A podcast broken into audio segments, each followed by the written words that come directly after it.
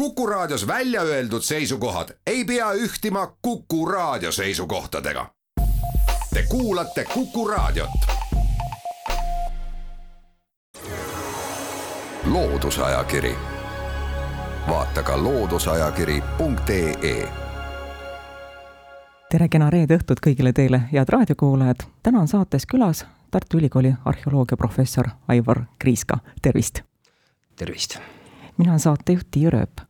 Saatekülalisel ilmus ajakirja Horisont viiendas numbris lugu Kambodžast, selle ajaloost ja Angkorist, mis kuulub UNESCO maailmapärandi nimistusse.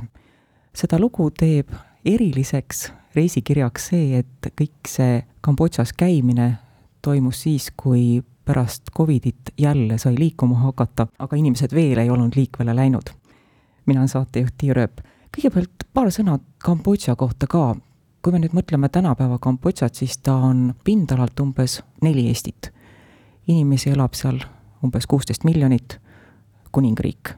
aga milline oli Kambodža, ütleme näiteks kaheteistkümnendal sajandil, kuigi ma siis peaksin küsima, et milline oli Khmeri impeerium, oleks õigem? jah ma arvan, et, et Khmeri impeerium või no seda on, on nimetatud ka Ankori impeeriumiks või, või ka Ankri tsivilisatsiooniks lausa, ta oli suurem, ta oli suurem kui tänapäevane Kambodža, ehk siis me teame seda, et, et see impeerium, mille noh, algus tegelikult ulatub juba esimeste Khmeride riikideni, juba lausa esimese sajandini, mis siis noh, võiks olla siis meie Rooma impeeriumi või siin Euroopas meie Rooma impeeriumi no nii-öelda kaasaegne osaliselt, et, et sellelt põhjalt ikkagi üheksanda sajandi alguses sündis niisugune riik, mida, mida võib nimetada ka impeeriumiks. Ja, ja see oli jah, nagu ma ütlesin, suurem kui tänapäevane Kambodža, lisaks Kambodžale mahtus sinna tibakene veel lõunapoolsest Hiinast ja ja, ja Taid mahtus sinna. Ja, ja lisaks äh, lisaks oli kogu aeg jahmerdamist neil äh, Vietnami poole peal, osaliselt õnnestus neid alasid ka neil vallutada, aga osaliselt äh, said nad seal ka üpris haledalt tappa. on nad läbi ajaloo olnud sõjakas rahvas? kusjuures ei ole. mulle tundub, et äh, Kambodža ajaloos on, on lihtsalt mõned perioodid, kus see sõjakus on kuidagi eriti tormakalt välja tulnud ja, ja väga sageli on see pigem nüüd ennast kahjustav kui, kui teisi kahjustav, et kui me võtame kas või äh, noh, sellise äh, õnnetu ajajärgu nagu, nagu tuhat üheksasada seitsekümmend viis, tuhat üheksasada seitsekümmend üheksa, eks ole, kui oli demokraatlik Kambodža, siis see ju lõppkokkuvõttes tähendas seda, et, et nad enda rahva vastu sooritasid kuritegusid ja, ja ikkagi hinnanguliselt niisugune poolteist miljonit, üks koma seitse miljonit inimest kannatas nende enda rahva hulgast. impeerium muidugi on vägivaldne noh, paratamatult, sellepärast et impeeriumi juurde kuulub niisugune noh, niisugune pidev laienemise tarve, nii kummaline kui see ka ei ole, aga, aga see kuulub sinna, nii et, et, et eks nad kindlasti tegid oma naabritele sel ajal liiga, aga tervikuna mulle tundub, et see rahvas on, on üpris rahumeelne olnud ja on praegu. Kambodžas käiakse, turistid käivad seal, Angkor on koht, mida, mida tuntakse, teatakse, aga mis vedas ajaloolase sinna? ma käisin seal ühe korra ja, ja see jäi väga selgelt sisse niimoodi painama, et, et, et seda jäi väheks. ja, ja see, miks ma sinna tagasi läksin, on öeldi kaks niisugust põhjust. üks loomulikult see, et äh, väga harva nähtav, kaunis, võimas, uhke arhitektuur, mis on siis sellest äh, Ankara tsivilisatsioonist järgi jäänud, iseenesest tahtis rohkem aega, kui mul too aeg oli aga ka teine põhjus oli see, et, et ma läksin sinna inspiratsiooni koguma. ehk siis äh, samal ajal kirjutasin ma näiteks hoopiski raamatut Eesti kiviajast ja, ja see oli niisugune noh, võimalus äh, noh, natukene sisse endale vaadata ja, ja, ja loomulikult äh, eks ta natukene, see sisevaatlus ka kannatas seetõttu, et, et see väljapoole vaatamine oli lõppkokkuvõttes ikkagi domineeriv selles minu käigus. aga nüüd on jah, et see on üks maailma inspireerivamaid paiku minu jaoks. vähemate ajalooteadmistega inimese jaoks, mida ta võiks sinna vaatama minna? ma usun, et, ähm, et, et Kambodža pakub äh, päris palju ka turistile, kes ei, ei lähe otsima minevikku. või minevikku niimoodi aktiivselt, läbi teadmiste, läbi selle, et ta korrastab neid oma teadmisi selle, selle maa ja, ja selle ajaloo kohta, see on äh, ka väga põgusal vaatlusel naudingut pakkuv. Ehk siis äh, suur osa turiste lõppkokkuvõttes, kui me võtame ju äh, Angkor Vati külastusarvu aastast kaks tuhat kaheksateist, mis oli kaks koma kuus miljonit turisti siis äh, suur osa nendest turistidest, ma usun, ei, ei süvene kunagi Kambodža ajalukku ega Kambodža äh, noh, niisugusesse äh, igasse templisse, igasse templi varemesse, vaid, vaid võtab just nimelt selle ilusama, uhkema ja, ja UNESCO maailmapärandi nimekirjas oleva osa. Ja ma usun, et ta saab sealt kätte mingisuguse tunde ja, ja, ja ilu päris pikaks ajaks. Aga kui turistil ei piisa sellest, et ta vaatab üle need objektid, mida tavaliselt turist üle vaatab, on mõni soovitus, kuhu ta minna võiks? no ega seal noh, selles mõttes ikkagi tuleb ikkagi Angkor Wat ja Angkor Tom läbi käia, ehk siis Angkor Wat on loomulikult noh, pärl, selles mõttes, et ta on ju pärl, mis on kujutatud ka Kambodža lipul, ta on võimas, ta on kuulus, ta on suur, lõppkokkuvõttes kusagil seal sada kuuskümmend kaks koma kuus hektarit on seda, seda ala. Ja, ja tegemist on maailma kõige suurema religioosse ehitisega üleüldse, ehk siis maailma kõige suurema religioosse ehitusega üleüldse. Ja ta on, ta on atraktiivne, ta on niisugune koht, kus sa, kus sa tunned äh, seda ütleme, arhitektuurilist eripära, näed kõiki neid, neid imelisi äh, bareljeefe, kogu seda ehitusstiili, imeline koht, kus kohas ühenduvad Äh, niisugused galeriitemplid ja, ja siis mägitemplid mägitempel õieti ja, ja niisugune astmikpüramiidide süsteem kogu selles ümbruses tuleb väga ilusasti välja, ehk siis seal saad kätte selle, mis, ähm, mis on lihtsalt üks maailma pärl. see, et tänapäeval Angkor Vati laiali kivihaaval ei kanta, see on, see on selge. aga miks seda ei ole läbi aegade näiteks kasutatud ehitusmaterjalina, mida mujal maailmas ju tehtud on?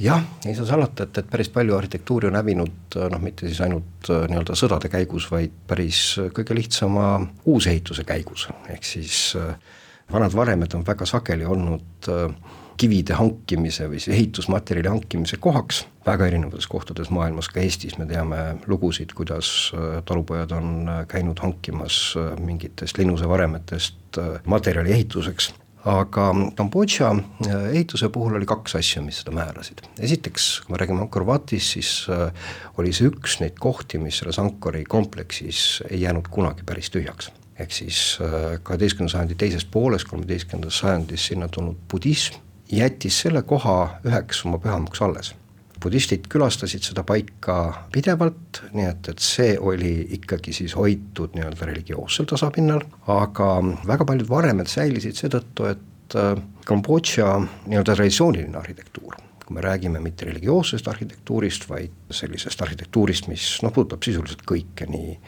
nii äh, elamuid kui kõrvalhooneid, kui äh, isegi mõningates kohtades kindlusrajatisi, see on olnud puidust ja see tähendab seda, et, et nendel inimestel ei ole olnud tarvidust äh, otsida ehitusmaterjali vanadest varemetest, sest nende ehitustraditsioon oli teistsugune. mis põhjusel nad nii selget vahet tegid, et kõik muu ehitati puidust, religioosne hoone, kompleks, see tehti kivist? vot sellele on isegi raske vastata. me teame seda, et, et, et kusagil kuuendast sajandist peale on, on Kambodža alale jõudnud äh, Indiast väga selgeid mõjutisi ja ka arhitektuurseid mõjutisi ja see, mis tundub nende templite juures olevat oluline, et nad on ikkagi ehitatud äh, jumalatele. ehk siis nad on mõeldud ikkagi religioossetena ja mm, ju siis neile ei sobinud neile midagi halvemast materjalist ehitada ja väga sageli ikkagi noh, arhitektuuri puhul rõhutan juba õige mitu korda siin sõna traditsioon, väga sageli see traditsioon, ka see, kui midagi üle võetakse, mõjutabki seda, kuidas reaalselt on ehitatud, mida seal on kujutatud, mida seal on proovitud edasi anda, Ankara puhul on veel äge see, et nad on loomulikult siis mitte ainult võtnud üle ideid, vaid nad on kujundanud ikkagi väga omapärase ehituskunsti väga omapärase traditsiooni kõikides nendes äh, erinevates nikerdustes, erinevates osistes, mis on nendes äh, templites, aga ka ehituskunsti poolest on nad väga väga võimsad või siis ütleme siis ehituste meisterlikkuse poolest, insener-tehniliselt on nad võimsad. ja see on ka üks põhjus, miks nad ei lagunenud äh, nii kergesti, kuivõrd nad olid ehitanud väga kavalalt, väga nutikalt, väga tõsiselt äh, ja see süsteem, et, et templid püsivad ehitustehniliselt, oli väga-väga hästi välja mõeldud. veidi tekib tunne, et oli rumal küsida, miks Khmerid Angkor Vati näiteks ehitusmaterjalina uuskasutusse ei võtnud nende mõttemaailma selline võimalus ilmselt ei mahugi. jah, mulle tundub, et, et seal niisugust mõtet äh, väga palju ei mõeldud või vähemalt ma ei näinud, et kusagil, kusagil seda näeks või siis kusagil see torkaks silma, kusjuures noh, isegi, isegi kõige noh, ütleme siis vastikumal ajal Kambodža ajaloos, punaste khmeeride ajal, ega seal väga palju nendele muististele liiga ei tehtud. pigem on siis järgnev ajajärk niisugune noh, kus, kus prooviti välja tassida kõike, mida sealt välja andis tassida, aga aga et, et isegi niisugustel väga keerulistes situatsioonides need, need muistised on, on olnud ikkagi hoitud või vähemalt mitte lõhutud. Kambodža jaoks on turism hästi oluline ja mõni, kes selles riigis käinud on, ütleb, et kui turist seal ringi liigub, siis ta on natukene nagu saaklooma moodi, et äh, ollakse väga pealetükkivad, äh, vaata et ebaviisakadki, milline mulje on, on see nii?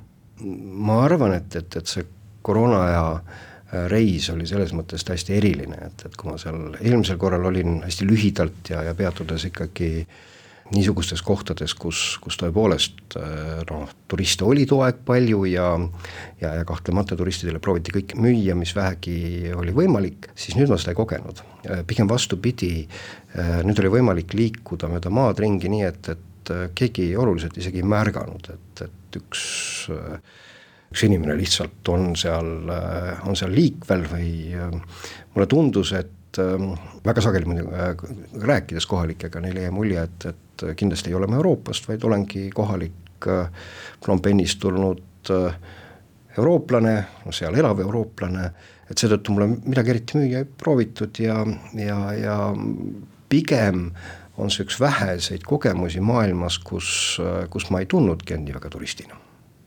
millised inimesed on khmeerid? uhked, uhked ja ägedad. veel kord, et, et kui, kui kellelgi on see kogemus, mis on tegelikult ju vahel päris halb kogemus, et, et kõike proovitakse müüa, siis, siis see, millise, millise külma rahuga nad vaatavad kogu seda, kogu seda siis nagu mitteturismi kui, kui rahulik on see elu ja, ja tõepoolest ma arvan, et, et kui ma peaks seda rahvast kuidagiviisi iseloomustama, siis niisugune isegi uhke ei ole nagu eesti keeles võib-olla kõige parem sõna, väärikus on ehk see sõna, mis, mis, mis minu meelest iseloomustab seda rahvast.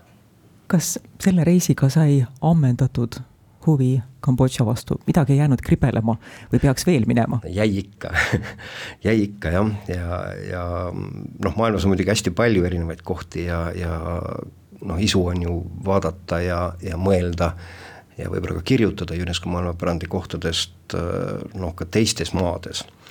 sest lõppkokkuvõttes on peaaegu üheksasada kohta praegu, mis on siis selle pärandi nimekirjas.